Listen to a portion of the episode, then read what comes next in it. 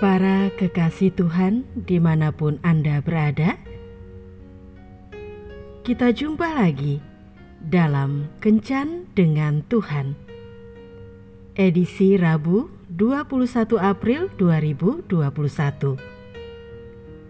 Dalam Kencan kita kali ini, kita akan merenungkan bacaan dari Kitab Kejadian bab 39 ayat 2.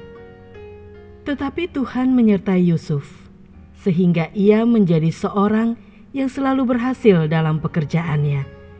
Maka tinggallah ia di rumah tuannya, orang Mesir itu.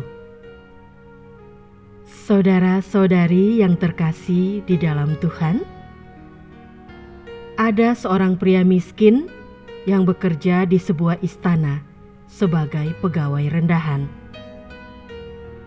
Ketika bekerja, ia sering melihat kapal-kapal yang lalu lalang. Suatu hari, aku juga pasti bisa berlayar seperti mereka, kata pria miskin tersebut. Saat itu, nama-nama seperti Columbus dan Vasco da Gama tengah berkibar karena pelayarannya. Raja sempat mendengar mimpinya itu dan langsung mencibir. Mana bisa? Memangnya dia siapa? Akan tetapi, kesempatan langka itu akhirnya datang juga. Ia berkesempatan menjadi seorang awak kapal. Perlahan tapi pasti. Lalu ia menjadi seorang nahkoda kapal. Bahkan di kemudian hari, menjadi orang yang mampu mengelilingi dunia. Ia adalah Ferdinand Magellan. Ia memiliki mimpi yang besar. Ia dicegal dan kurang didukung, tetapi kesempatan dalam hidup berkata lain. Yusuf dijual ke Mesir, tetapi Tuhan tetap menyertainya Yusuf difitnah oleh istri Potifar.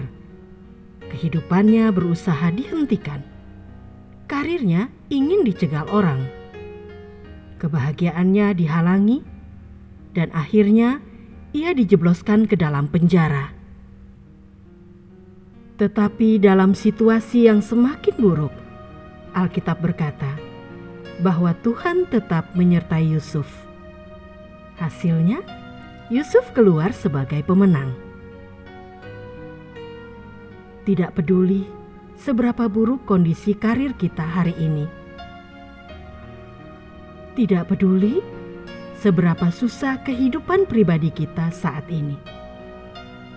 Tetapi pastikan kita tetap disertai Tuhan. Pastikan hidup kita berkenan di hadapannya pastikan hadiratnya selalu ada di sepanjang hari-hari hidup kita.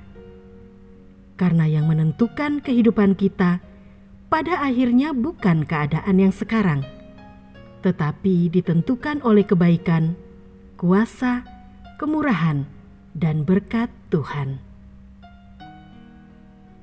Tuhan Yesus memberkati. Marilah berdoa.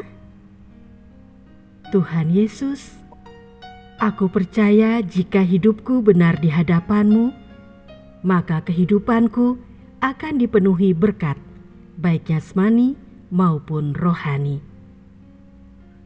Amin.